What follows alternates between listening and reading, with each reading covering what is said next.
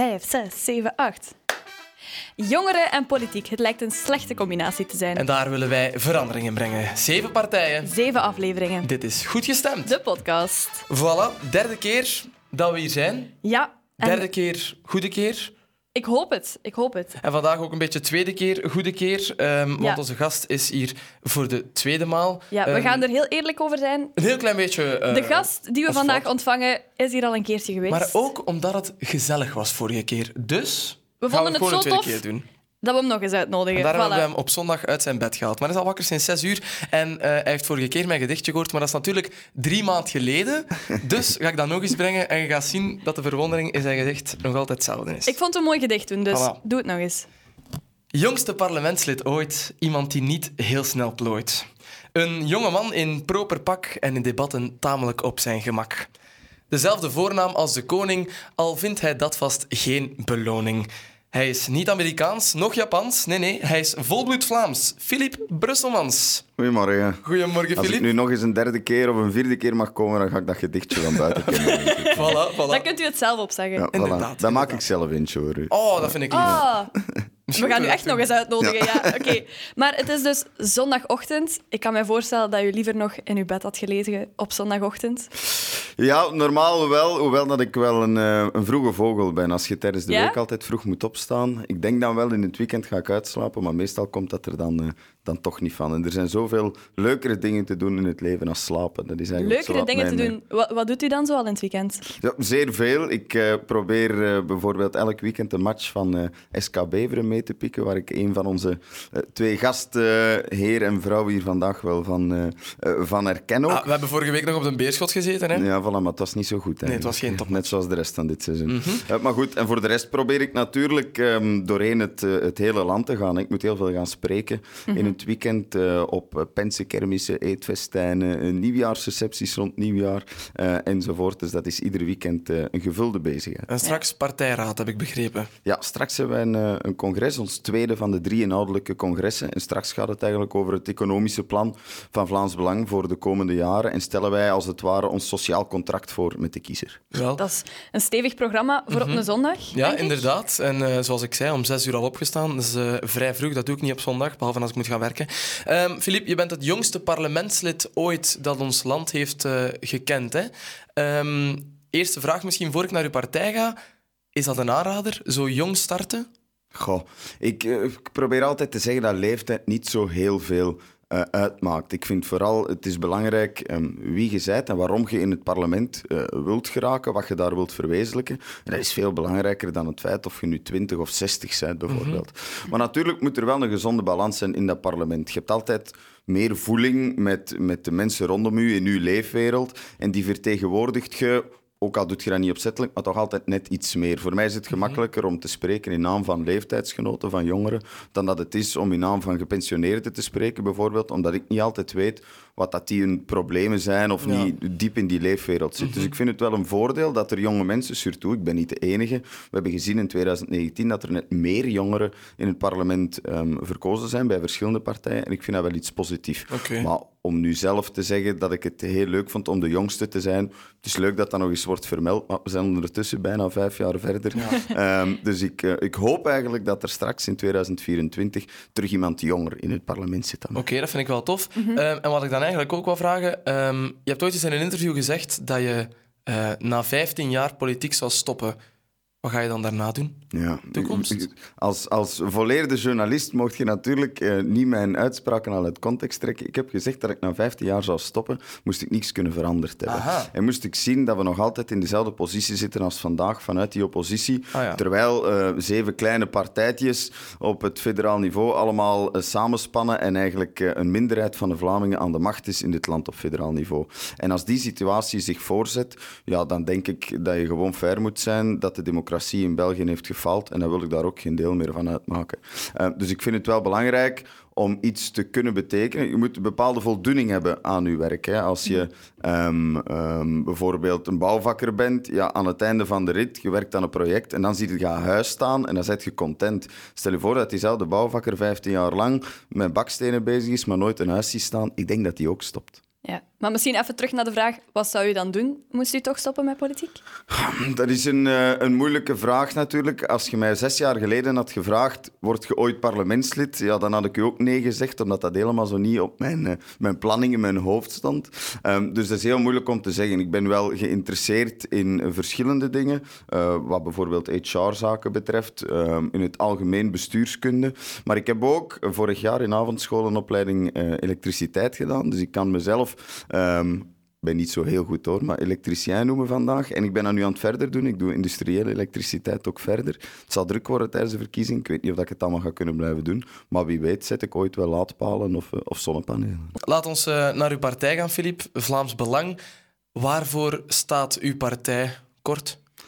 Ja, in het kort is moeilijk, maar ik ga toch uh, mijn best doen. Het Vlaams best. Belang is een partij die staat voor meer democratie, voor meer autonomie um, voor de Vlaming, meer zelfstandigheid en Ja, vooral voor een sociaal rechtvaardig beleid waar veiligheid ook terug gegarandeerd wordt voor onze mensen. Er is een hele boterham in één zin gepropt, um, maar we hebben dan natuurlijk ook een uitgebreid programma. Wat voor mij het allerbelangrijkste is, is dat mensen terug het gevoel krijgen dat alles rechtvaardig verloopt in de samenleving. Dat als je belastingen betaalt, dat je weet waarom dat je die betaalt en voor wat dat ook wordt gebruikt. En dat je daar ook gelukkig mee bent. Dat je daar ook kunt bij neerleggen en dat je zegt, oké, dit is waarom ik afdraag, dit is de samenleving waar we samen aan bouwen. Voor mij belangrijk is, is dat als je s'avonds um, met je vrienden op café nog wilt gaan of gaat feesten, dat je één, nog een nachtbus naar huis kunt nemen bijvoorbeeld, maar twee, dat je ook zeker kunt zijn dat je alleen, bijvoorbeeld als jonge vrouw, die nachtbus kunt nemen zonder lastig gevallen te worden. Ja. Dat is voor mij waar het Vlaams Belang voor staat en wat het Vlaanderen van morgen moet zijn. Ik heb in die eerste zin twee woorden gehoord. Onze mensen. Onze mensen, dat is natuurlijk jullie slogan. Het slogan van het Vlaams Belang onze mensen eerst. Ik vraag mij wel af, wie zijn onze mensen? Wie valt daaronder volgens jullie? Ja, inderdaad, eerst onze mensen is onze slogan. Ik ben blij dat je dat vraagt, omdat daar soms zo wat verwarring uh, rond is. Die wordt ook bewust gezaaid door andere politieke partijen. Dus ik geef daar heel graag een antwoord op. Onze mensen, dat is voor ons iedereen die in Vlaanderen woont, die zich Vlaming voelt en mee, mee wil bouwen aan het Vlaanderen van morgen. Dus nee, daar is geen huidskleur opgeplakt. Nee, daar uh, is geen afkomst of zo. Um, iedereen die zich Vlaming voelt en mee wilt helpen aan dat Vlaanderen van morgen, die meedoet aan het gemeenschapsleven, die um, met zijn twee voeten hier staat en zich ook wilt identificeren met Vlaanderen, mm-hmm. Dat is voor ons ja. iemand van onze mensen. En... Wie zijn dan niet onze mensen, als ik dat nog mag zeggen? Ja. Dat zijn dan bijvoorbeeld um, criminelen, illegale, mensen die een dubbele nationaliteit hebben en die zeggen, ja, uh, wij voelen ons helemaal geen Belg, maar wij zijn mm-hmm. uh, Turk bijvoorbeeld, Turkije is mijn land enzovoort. Ja, dan zeg ik, op een gegeven moment ga je moeten kiezen. Wij zijn voor de afschaffing van de dubbele nationaliteit. Dan moeten ze maar kiezen of ze Turk zijn of uh, Vlaming, Belg. Um, en dat zijn dan niet onze mensen natuurlijk. Ja. Ik hoor u wel zeggen, ja? ik hoor u zeggen, onze mensen zijn Vlamingen. Waarom zegt u niet, onze mensen zijn Belgen? Ja, omdat het Vlaams Belang natuurlijk gelooft in een onafhankelijk Vlaanderen. Hè. Dus net um, zoals verschillende V-partijen in ons land, nu ze zijn niet allemaal even activistisch meer op dat vlak, um, maar ik denk, uh, net zoals de N-VA, zijn wij um, voor een onafhankelijk Vlaanderen. waarom? Dat heeft verschillende redenen, maar vooral geloven wij erin dat het bestuur op Vlaams niveau het meest efficiënte is. Vlamingen en Walen, wij zijn daarom geen vijanden. Hè. Het is niet dat we iets tegen Walen hebben of zo. Dat zijn fantastische mensen. Ik ga zelfs graag op reis, zoals een weekendje naar Dardenne of zo. Ik vind dat fantastisch. Maar we moeten gewoon kunnen toegeven dat wij twee verschillende landen zijn. We hebben totaal verschillende culturen. Ik vraag altijd, wat is de, de populairste zanger bijvoorbeeld in Wallonië op dit moment? En ik ken weinig Vlamingen die mij een antwoord kunnen geven op die vraag. Als je aan Walen gaat vragen bijvoorbeeld, um, wat zijn de populairste kranten in Vlaanderen? Ja, ze gaan u het antwoord niet weten zeggen. En dat... Dat betekent natuurlijk niet alles, maar het zegt iets over hoe dat wij twee verschillende culturen zijn. Twee verschillende landen die ooit door historische omstandigheden in één zijn gepropt. En wij, ook op politiek niveau, ze hebben een totaal andere economie, um, wat een, een, specifiek beleid verdient. Hè. En nu doen we zo wat, wat algemeen. En het ene landsdeel trekt naar links, het andere landsdeel trekt naar rechts. En wat gebeurt er als je alle twee even hard aan een touw trekt? Dan blijft je in het midden stilstaan en stilstand is nooit goed. Of dan breekt het natuurlijk. Um, maar je zei daarnet, um, wij zijn er voor iedereen die zich Vlaming voelt.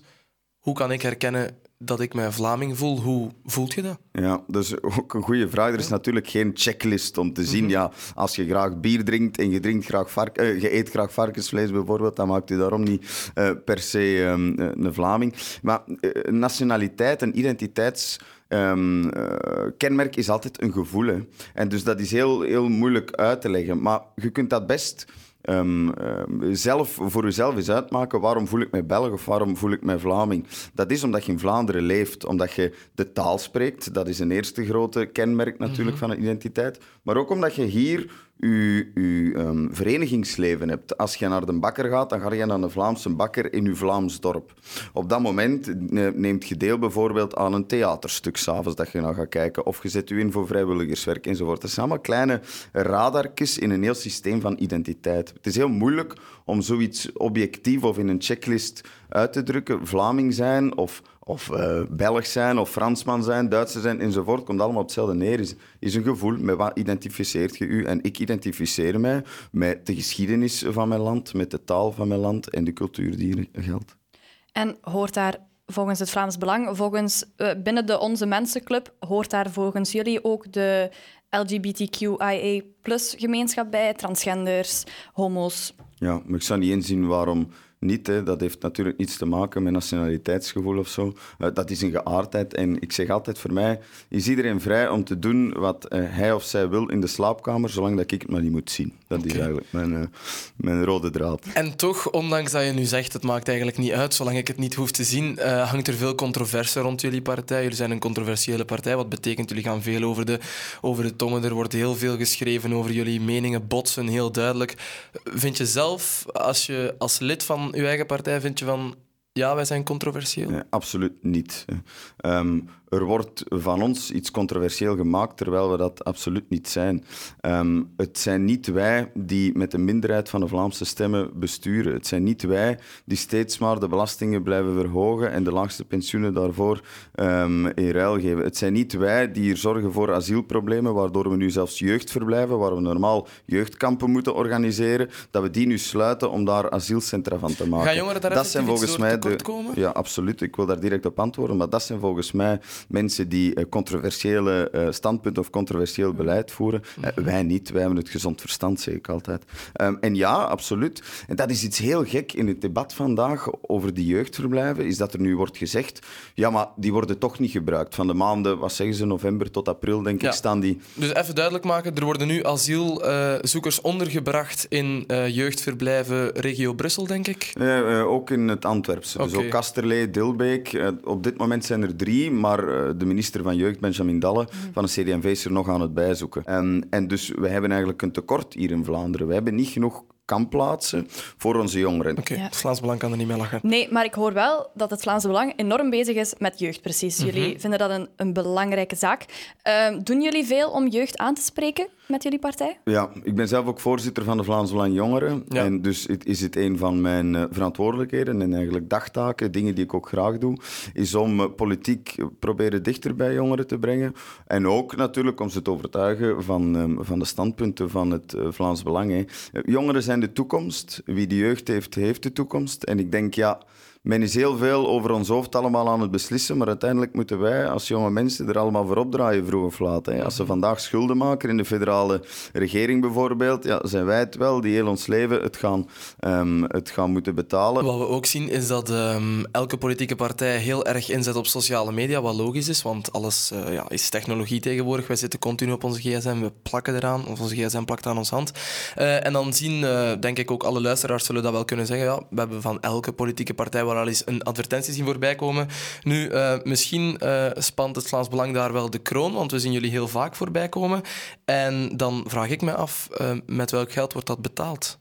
Oh, dat is een goede vraag. Ehm, eh, vooral omdat wij helemaal niet meer de koploper zijn in het, eh, in het besteden van, eh, van advertentiegeld aan, om sociale media. Absoluut niet. Ik denk dat de NVA heeft ons al lang ingehaald. Ik denk de PvdA staat vandaag op hetzelfde niveau ehm, ongeveer. Maar het is natuurlijk zo, in ons land krijgen politieke partijen ehm, eh, overheidsgeld, belastinggeld, hè, om daarmee te kunnen functioneren. Men heeft dat in Partijfinanciering wordt Ja. dat dan genoemd. men heeft dat in de tijd ingevoerd om te vermijden dat politieke partijen partijen werden omgekocht. Maar is het te veel geld? Ja. Ik denk dat partijen ook wel met de helft kunnen. Als we zien wat wij allemaal samen uitgeven aan, uh, aan sociale media uh, advertenties als politieke partijen in Vlaanderen, is dat gigantisch veel. Dat is meer dan in Duitsland of Frankrijk, terwijl dat die landen veel groter zijn dan ons. Maar wij als Vlaams Belang, we hebben natuurlijk geen andere keuze. En wij komen niet aan bod in de reguliere media. We hebben ook een verbod om te adverteren in bijvoorbeeld een krant als Laatste Nieuws of het Nieuwsblad, terwijl de andere partijen dat wel mogen. Maar bij ons zeggen ze, jullie mogen dat niet. Mogen andere partijen dat? Want we hebben in onze vorige aflevering bijvoorbeeld Nadia Najib bezoek gehad. Zij zei heel rond, duidelijk van, er zijn duidelijke regels, dat er wordt geen reclame gemaakt voor partijen in de krant. Nee, nee maar je kunt wel bijvoorbeeld een volledige pagina afhuren. Ja, hè? Dus je kunt een advertentie zoals de over... minister heeft gedaan een tijd geleden. Exact. En dat wordt bij Vlaams Belang verboden. Hè? Dus men zegt tegen ons, jullie mogen dat niet. Dus natuurlijk, ja, als we niet in de reguliere media aan bod komen, we mogen ook niet betalend adverteren in de media. Ja, wat schiet er dan nog over? Ja, sociale dat is sociale media. En dus zetten wij nu eenmaal meer in op sociale media dan andere partijen. Dat is niet omdat ik zo blij ben dat we centjes aan Facebook en Zuckerberg moeten geven. Dat is omdat wij gewoon niet anders kunnen. Maar dus later, als ik het goed begrijp, later als wij bijvoorbeeld eh, belastingen gaan moeten betalen, dan gaat een deel van dat geld ook naar partijen, onrechtstreeks. Ja, uh, eigenlijk komt het neer op 7,5 euro per kiezer per jaar. Maar u zou liever dat belastingsgeld in andere dingen geïnvesteerd zien dan in sociale media wel? Ja, ik denk dat je um, de budgetten waar partijen mee werken gemakkelijk kunt halveren. Hè. Dus versta me niet verkeerd, ik ben wel voorstander van het systeem. Een democratie kost geld. Dat is nu zo. Politici hebben, parlementsleden hebben, maar ik heb liever dat dat een beetje geld kost dan dat we naar een dictatoriaal systeem zouden gaan mhm. waar uh, één iemand alles voor te zeggen heeft. Dus je moet dat gewoon uitleggen aan de mensen. een democratie kost geld. Maar het moet natuurlijk ook niet te veel geld kosten. En sociale media-uitgaven is één, maar wat een veel groter probleem is in dit land, is dat we enorm veel politici hebben. Hè. Um, verschillende parlementen, we hebben zeven regeringen, Allee, om den duur. Um, je krijgt dat aan niemand nog uitgelegd. Als er beslissingen moesten genomen worden tijdens COVID over volksgezondheid, dan moesten er minstens vier ministers aan tafel zitten. Soms zat er dan nog volk bij. Um, dat, dat krijg je niet meer uitgelegd. En ook dat is voor ons een reden om het land te splitsen, is te zeggen, in onafhankelijk Vlaanderen heb je dat allemaal niet meer. Dan heb je één Vlaamse regering met negen ministers in en één eh, Vlaams parlement. Op dit moment zitten daar 124 parlementsleden. Wij zeggen dat kan best met 100 ook. Oké, ja, ongeacht van onze mening daarover, denk ik wel dat we kunnen concluderen dat België een ingewikkeld land is. Een heel, dat proberen wij ook wel duidelijker te eh, maken met deze podcast. Maar als ik het goed versta, Vlaams Belang die zet in op jeugd, zet in op rechtvaardigheid. Ik vraag mij af, hoe hard zetten jullie in op het klimaat? Want vorige aflevering hadden we Nadia Nagy van de Partij Groen. Die zette enorm hard in op het klimaat. Hoe staat Vlaams Belang daar tegenover? Ja, wat onze visie is, um, moeten we zorg dragen voor onze planeet? Ja, ik denk nationalisten zijn altijd de eerste ecologisten geweest. Omdat um, wij houden van ons land, wij houden van onze planeet en je moet daar ook zorg voor dragen. Ik, um, ik durf zeggen dat het klimaatprobleem dat zich dat dat vooral een is dat in heel de wereld wordt veroorzaakt, maar niet hier in Europa. En als wij hier onze mensen enorme kosten gaan opzadelen. We gaan die nu renovatieverplichtingen, um, uh, verplichte elektrische wagens enzovoort gaan opleggen. Terwijl in andere landsdelen, of werelddelen liever, uh, daar vervuilt men er maar op los. Als wij hier belachelijk doen over uh, geen plastieke rietjes meer en enkel nog van die bamboe, waar dat je dan op sabbert en na, na, na twee minuten kunnen niet meer van je drinken drinken. Maar terwijl is bijvoorbeeld in Azië zijn er tien rivieren die verantwoordelijk zijn voor 97% van alle plastic in, um, in de verschillende zeeën die we hebben. Dat wordt daar allemaal en masse gedumpt, maar wij gaan hier wel op bamboe rietjes liggen kouwen. En dat moet natuurlijk... Um, um, dat moet toch duidelijk zijn voor vele mensen dat dat een beetje um, wereldvreemd is, hoe ze dat allemaal bekijken. Nee, we gaan de, de wereldproblemen gaan we hier echt niet in Vlaanderen uh, alleen oplossen. Moeten wij een steentje bijdragen? Ja, maar we moeten er wel voor zorgen dat um, onze welvaart daar niet onder leidt. Ja, mijn capricen smaakte wel beter. Mijn plastieke ritje moet ik nu wel even toegeven. Ik vind dat nu ook, maar ik kan me wel voorstellen, iemand moet het goede voorbeeld natuurlijk geven. Mm. En je mhm. moet, je moet wel ergens beginnen. Ja, absoluut, maar je moet ook niet naïef en dom zijn. Hè. Ja. Nee, oké, ja. We doen ons best. Um, misschien nog... Uh, Was geen beschuldiging. um, ik wil nog even kort, om af te ronden uh, met ons eerste deel, uh, vragen, want het is eigenlijk iets wat we nog niet veel hebben aangeraakt, maar als het over het Vlaams Belang gaat, zal het altijd gaan over de um, ja, racistische kant die er soms, of de racistische ondertoon die sommige mensen soms opmerken bij speeches of zo. Hoe kunt u ons eigenlijk duidelijk maken dat het Vlaams Belang niet racistisch is? Ja, dat is natuurlijk, als ik u zou zeggen, hoe bewijs je mij dat je geen dief bent? Ja, begin er maar eens aan. Racisme is een strafbaar feit. En ik zeg altijd mhm. tegen iedereen, als ze ergens racisme opmerken, dan moet je daar klachten tegen indienen. Hè. Vooralsnog heb ik geen klachten aan mijn been gehad. Vroeger is het Niemand Vlaams Blok, dat is wel iets wat we gisteren hebben aangehaald tijdens onze voorbereiding. Vroeger is het Vlaams Blok veroordeeld geweest voor racisme. Het Vlaams, Blok is even, Vlaams Blok is de voorloper van het Vlaams Belang. En dat is ook niet volledig waar. Het is een VZ2 de rond die veroordeeld is. Um, maar bon, dat is een heel ingewikkeld systeem wat mhm. betreft um, partijfinanciering. En zo zit daarvoor iets tussen. Weet u trouwens waarom, wat de aanleiding was voor die veroordeling, was een stripverhaaltje. Een stripverhaaltje dat... Ja, maar ik moet nu wel zeggen, ik heb dat stripverhaaltje ook ooit in de bus gekregen, of iets gelijkaardig. En nu kun je echt niet zeggen dat daar niet het, is niet, het is niet mijn smaak, absoluut niet. Ik vond het ook wel een beetje... Het is kunnen, we misschien even, kunnen we misschien even verduidelijken wat het stripverhaaltje uh, was? over Sinterklaas, denk ik, dat we het hebben. Uh, en met uh, toen nog Zwarte Piet. En dat was nogal vrij hard op Zwarte Piet, dat hij eigenlijk nutteloos was. Of ik, ik, weet het niet meer exact. Niet maar nutteloos, ik weet dat maar ik het was een stripverhaaltje over Zwarte Piet. Maar ik zeg, gewoon, ik zeg niet dat ik het even... dat ik het smakelijk vond, hoor. Mm, de strip, ik zou het zelf niet maken, nog met plezier lezen, dat, dat bedoel ik niet. Maar ik wil toch altijd wel zeggen, als er wordt gezegd, jullie zijn veroordeeld, dan lijkt dat alsof dat wij een bende massamoordenaars zijn of zo. Nee, nee, het gaat over een stripverhaaltje. Um, maar nee, allee, het Vlaams Belang bestaat nu al enkele jaren. Um, we hebben nog nooit klachten gehad uh, op dat vlak. En dat zal ook niet gebeuren, omdat wij ook helemaal niks te maken hebben met racisme enzovoort. Het zijn net, en dat is misschien wat, gek om de eerste keer te horen, maar veel mensen zullen begrijpen wat ik bedoel. Het zijn net de, de linkse partijen die altijd een focus hebben op huidskleur. Die iemand zien met een, een andere huidskleur dan blank en die die automatisch in een slachtofferrol steken. En die zeggen, ja, er moet positieve discriminatie zijn, want die moet voorgetrokken worden en, en er moet een quota op diversiteit gelegd worden enzovoort. Terwijl wij zeggen, kijk niet naar huidskleur, kijk niet naar afkomst en we beoordelen, iedereen gelijk op zijn merites. En als jij uh, een beter... Uh, test aflegt, bijvoorbeeld voor een sollicitatie of een beter diploma hebt, is het logisch dat ze u nemen, ongeacht wat uw huidskleur is. Dus Philip Brusselmans gaat even gemakkelijk een pint drinken met Mohamed als met Jan van achter een hoek. Ah, ik zou niet weten waarom niet, als Mohamed bier drinkt. Dan ja, oké, maar ja, dat zal er dan van afhangen. Dat is iedereen zijn eigen keuze natuurlijk. Um, goed, ik denk dat, uh, dat we daar wel uh, duidelijkheid over hebben geschept. Ja. Nu, um, er is veel we hebben het er straks al gezegd, controverse rond de partij. En er is dus ook een soort van akkoord. En we zijn eens gaan vragen in Antwerpen of uh, mensen eigenlijk wisten wat het cordon sanitair was. We zijn in Antwerpen om na te gaan hoeveel politieke begrippen jong en oud nu eigenlijk kennen. We horen vaak moeilijke termen passeren op tv, maar begrijpen we ze wel. Goed gestemd gaat het na. De vraag van vandaag: wat is het cordon sanitair?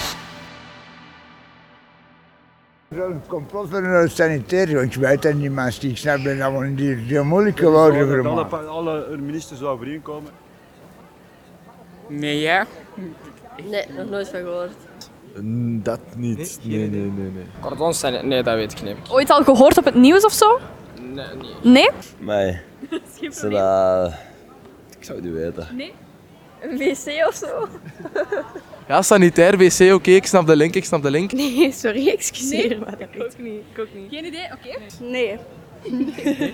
Ja, Vlaams Belang, met Vlaams Belang denk ik dat die niet in de, niet in de macht mogen hebben. Het cordon sanitair. Um, was dat de extreme rechtse partijen weer uit de politiek?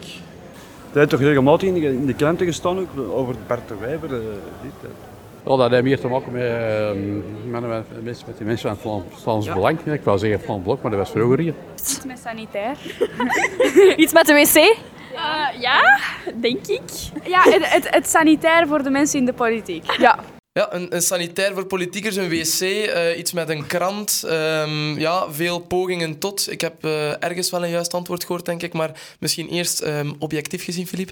Wat is het cordon sanitair? ik vond het allemaal grappige antwoorden. Ja, toch? Hè? Maar het was plezant in Antwerpen. Originele antwoorden, vond ik. Ja, ja absoluut. Uh, nee, even serieus. Het cordon sanitair is een afspraak die um, verschillende politieke partijen in ons land, bijna allemaal buiten N-VA toen, hebben gemaakt. Enkele jaren geleden, iets meer dan twintig jaar geleden ondertussen om nooit te besturen met toenmalig het Vlaams Blok. En daarna hebben ze dat hernieuwd om te zeggen nooit besturen met het Vlaams Belang. Eigenlijk betekent dat dus dat die verschillende politieke partijen in ons land hebben gezegd, wat de kiezer ook doet, hè, hoeveel stemmen ze ook halen, wij zullen de democratie nooit respecteren, want met die partij gaan we niet besturen. En zo zetten zij elke keer kiezers buitenspel, nog voordat de kaarten gelegd zijn, nog voordat de kiezer naar de stembus is gegaan. Tot daar het objectief Ik merk al in uw objectief antwoord uh, wat u er nu van vindt.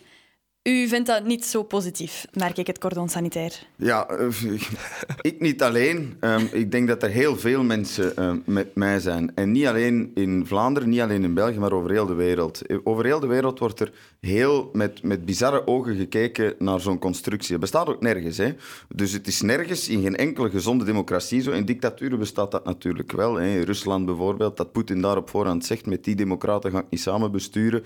Ja, maar iedereen kan zich wel inbeelden waarom. Maar nergens ter wereld, in een gezonde democratie, bestaat um, zo'n systeem waarbij partijen op voorhand zeggen hoeveel stemmen die ook halen, hoeveel mensen ook geloven in die uh, programmapunten, daar zullen wij nooit mee besturen. Dus daar wordt heel vreemd naar gekeken. België is ook een land dat niet zo hoog scoort op de democratie-index. Dat is een ranglijst eigenlijk van hoe democratisch een land is. En het cordon sanitair is een van de elementen die ervoor zorgt dat wij daar eigenlijk vrij slecht op scoren. Wij zitten zo bij landen als Kazachstan en zo. Die staan zo boven en onder ons. Um, is heel bizar.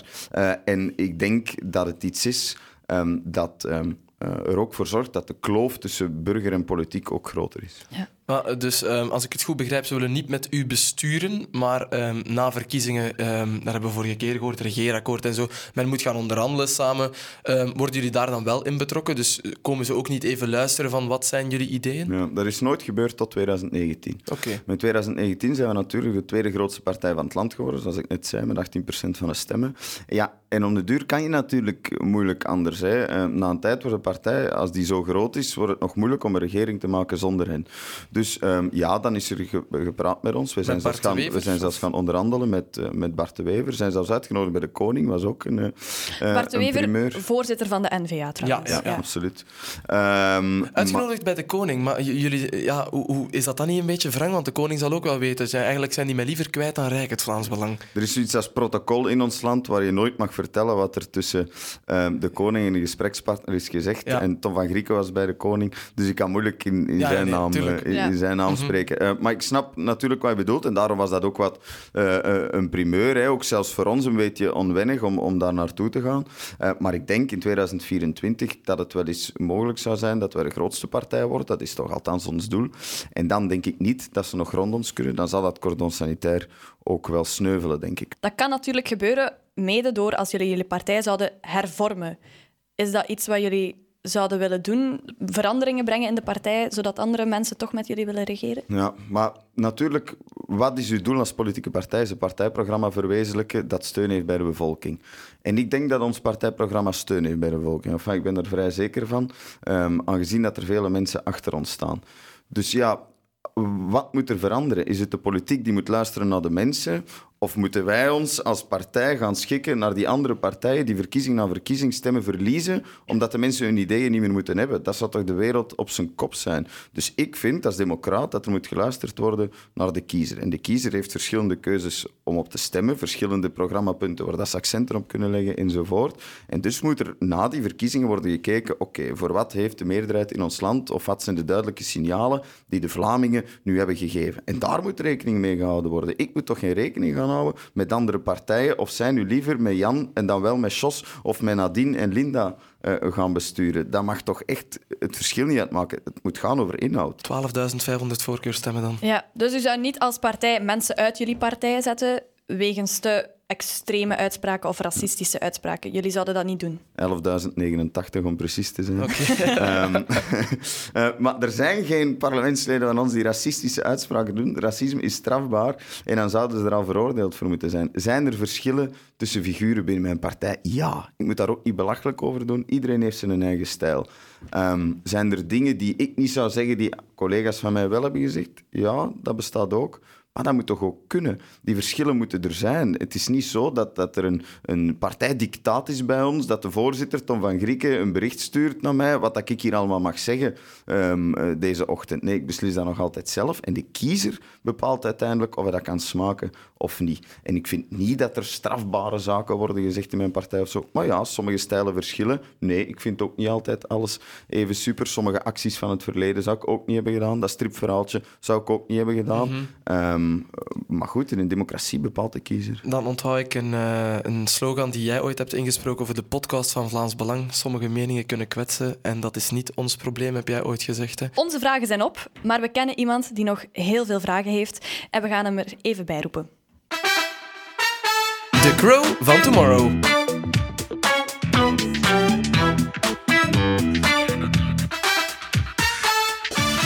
Hebben hier vandaag bij ons Wesley in de studio. Op deze mooie zondagochtend ben je helemaal naar hier gekomen omdat je twee vragen hebt voor onze gast, Philip Brusselmans. Dus ik zou zeggen, shoot. Um, ik ben voorzitter van Vlaams Jongeren. Um, wie zijn die eigenlijk? Wat doen zij juist? Um, waarom zijn zij belangrijk?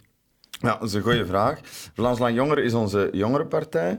Um, zal binnenkort ook wel de grootste jongerenpartij van ons land zijn. En eigenlijk uh, hebben wij drie grote doelen. Eerst en vooral is het de bedoeling om naar buiten toe de standpunten van het Vlaams Belang te vertolken naar jongeren. In de politiek wordt er heel veel gezegd, maar jongeren hebben vaak het gevoel, en ik begrijp waarom, ja, dat is een ver van mijn bedshow, dat heeft niets van mij, met mij te maken. En wij proberen net dat wat te vertalen naar dingen waar de jeugd um, mee bezig is. Ten tweede zijn wij een interne spreekbuis voor de jongeren. Dat wil zeggen, ja, in een partij, er wordt veel vergaderd, soms te veel vergaderd. En um, daar worden natuurlijk standpunten gevormd. En wij proberen uh, dat daar ook rekening wordt gehouden met de jongeren. En dat lukt eigenlijk uh, vrij goed binnen het Vlaams Belang, dat moet ik wel, uh, wel zeggen. En dan een derde doel dat wij eigenlijk hebben als jongerenpartij, is om talent aan te trekken die ook effectief niet alleen geïnteresseerd is, maar ook de stap wil zetten naar Ehm, naar de politiek. Hè. Dus wij organiseren veel vormingen. Binnenkort doen we bijvoorbeeld een winteracademie in het Gentse, waar we alle, alle jongeren die willen meedoen aan de verkiezingen wat tips en tricks willen aanleren. De wetgeving over de verkiezingen, maar ook hoe voerde eigenlijk een campagne, hoe moet je een debat doen, wat moet je zeggen als je, of wat zeg je best niet als je naar een podcast gaat. Um, zo van die dingen. Um, dus, er wordt allemaal over nagedacht. Die, die drie zaken zijn eigenlijk de hoofdbezigheden van, uh, van onze jongerenpartij. Uh, maar daarnaast ja, doen we heel veel schooldebatten, zijn we proberen we aanwezig te zijn op feestjes. Als je gaat studeren binnenkort, je zult ons altijd wel terugvinden, minstens één keer per semester. Ja. Um, zeg Wesley, jij interesse om bij een jongerenpartij te gaan? Niet direct. Niet direct? Niet direct. Oké. Okay. Uh, ja, ik snap het wel. Het is, ja. uh, het is veel, maar je kunt misschien bij de scouts of zo. Ik weet niet of dat geen jeugdbeweging zit. Nee? Allee, zeg. Ja, je raakte het daar kort al even aan. Asiel en migratie. Jij hebt daar nog een vraag over, toch? Um, stel dat Vlaams Belang nu de staatssecretaris voor asiel en migratie zou leveren. Wat zouden zij concreet veranderen? Ja. Um, je moet daar altijd eerlijk in zijn. Heel veel wat het asielbeleid betreft is op Europees niveau, of zelfs daarboven nog. Dus het is niet zo, en wij maken dat ook niemand wijs, dat we morgen, stel dat we de staatssecretaris leveren, dan morgen alle migratie stopt. Ja. Dat zal niet zo zijn. Maar er zijn wel bepaalde maatregelen die je heel snel kunt nemen, gewoon op nationaal niveau, zonder Europa daarbij um, nodig te hebben. Denk bijvoorbeeld aan het effectief terug uitleveren van um, mensen die hier illegaal zijn. He, dus op dit moment, als je als asielzoeker hier toekomt, je, je start een procedure, je start een aanvraag, die wordt dan beoordeeld door dienst Vreemdelingenzaken. Mm -hmm. En twee derde van de mensen die hier asiel aanvragen, uh, daar wordt van geoordeeld door objectieve mensen, niet politiek gezien, wordt geoordeeld, ja, die hebben geen recht op asiel. Die zijn niet echt op de vlucht. Hè. Um, en dus zijn dat eigenlijk asielbedriegers, noemen wij dat. En zijn dat illegale op dat moment, want ze hebben geen recht meer tot verblijf hier. Maar wat moeten we vaststellen? Vandaag de dag krijgen die gewoon een papiertje mee met u moet het land verlaten. I kid you not. Het is echt zo. Staat er natuurlijk niet alleen in het Nederlands op, maar ook in andere talen, want anders mm -hmm. kunnen ze het niet lezen. Maar ja, wat denk je nu zelf? Die mensen gaan hier niet weg. Hè. Die belanden in de criminaliteit, die belanden in de dakloosheid enzovoort. En dan zie je echt heel erge tafereelen uh, zich afspelen. Zeker op de straten van Brussel. Ga je naar het station van, uh, van Brussel-Noord bijvoorbeeld, of Brussel-Zuid. En dan, dan zie je dat. Dus die mensen uitwijzen is um, een van de eerste dingen die we zouden doen. En het tweede is natuurlijk de sociale zekerheid afschermen, um, zodanig dat die uh, um, vooral voor onze mensen wordt behouden. En concreet wat we zouden willen doen, vandaag de dag, wat is de sociale zekerheid? Misschien belangrijk om kort te zeggen is als jij je been breekt, dan moet je niet zoals in de Verenigde Staten een lening gaan aangaan van duizenden en duizenden euro's, maar je wordt geholpen en dat is omdat je belastingen betaalt. Ja. Hè? Zo helpen wij elkaar, zo zijn we solidair. Maar vandaag is het zo dat als je als nieuwkomer hier uh, toekomt, vanaf dag één heb je dezelfde uh, rechten als, als jij en ik, die, die uh, lang hebben afgedragen of onze ouders hebben afgedragen. En dat is een systeem dat niet meer houdbaar is. Hè? Dat staat op barsten, omdat er te veel kosten zijn en te weinig mensen die bijdragen. En wat dat wij zeggen, we gaan die sociale zekerheid afschermen. Dus je kunt pas aanspraak maken daarop als je hier acht jaar al in het land bent en van die acht jaar ook drie jaar hebt gewerkt. dat lijkt ons fair. Dat is eigenlijk copy-paste van wat men in Denemarken doet. Oké, is dat duidelijk? Vind je dat duidelijk? Ja. Ik heb eigenlijk nog een vraagje, want jullie spreken vaak over minister, bijvoorbeeld de minister van Economie, maar soms hebben jullie het ook over uh, staatssecretarissen. Wat is het verschil daar juist tussen? Er is eigenlijk in de realiteit, buiten de titel, is er geen verschil. Zij krijgen dezelfde verloning. Um, wordt ook in de puntenverdeling... Een leuk weetje, als, je, um, als partijen een regeerakkoord hebben, daarna gaan ze dan aan tafel zitten en wie krijgt nu welke post? Dat is de postjesverdeling. Dat is volgens het puntensysteem. Um, dus ze zeggen bijvoorbeeld, die partij heeft recht op zes punten, want zij zijn zo groot. En een minister okay. is drie punten waard. Een voorzitter van het parlement is twee punten waard. Ah ja, okay. zo van die zaken. En dus ook in dat puntensysteem is dat even waar. Dat heeft gewoon een andere naam. Maar waarom dat dan een andere naam heeft, dat weet ik eigenlijk niet. Dat is een goede vraag. Goed om op zondagnamiddag straks nog eens op te zoeken voor mij. Ja, ja inderdaad. Ja, ik zou het, dat was echt een oprechte vraag. Ik zou het niet mhm. weten. Ja. Oké. Okay. Um, ehm, ja, dan zijn, we, dan zijn we rond, denk ik. Uh, jij hebt duidelijke antwoorden gekregen op al je vragen. Ja. Dat is de bedoeling. Kijk, daarvoor ben jij getraind om naar podcasts te komen, Filip. um, misschien nog een, uh, een eindakkoordje ja. breien. Een eindakkoordje. Waarom moeten jongeren gaan stemmen en waarom zouden ze op het Vlaams Belang moeten stemmen? Jongeren moeten stemmen omdat ze anders vijf jaar lang niet mogen zagen over wat er gebeurt in het land. Dat is Sammy Medi ook. Ja. ja. Uh, je moet gaan stemmen. Dat is de enige manier in België. Jammer genoeg, wij zijn voor meer democratie, maar op dit moment is dat de enige manier om duidelijk te laten weten wat uw visie is, wat uw mening is van de Belgische politiek en welke kant dat je uit wilt. Dus laat uw stem horen, want dan telt je ook echt mee. Anders dan zit je aan de zijlijn en dan vind ik, dan heb je ook echt vijf jaar geen recht van spreken. Hè. Dan, ja. dan stemt je maar in met, met alles dat goed is, dan zeg je een ander moet Dat kan ook. Maar dat kan niet zijn dat je geen mening hebt als jonger. Het is belangrijk dat we onze stem laten horen. En natuurlijk, um, ik ga zelf stemmen voor het Vlaams Belang. Iedereen moet dat voor zich uitmaken. Maar ik stem voor het Vlaams Belang, omdat ik geloof dat Vlaams Belang het enige alternatief is in dit land. Al die andere partijen die zijn al jaar en dag aan de macht, 40, 50 jaar aan een stuk. En het is er niet beter op geworden. Het wordt bijna onmogelijk voor jongeren vandaag de dag om nog een huis te kunnen kopen zonder dat je een zak geld meekrijgt van, uh, van thuis uit. Het is um, veel onveiliger geworden worden in het uitgaansleven.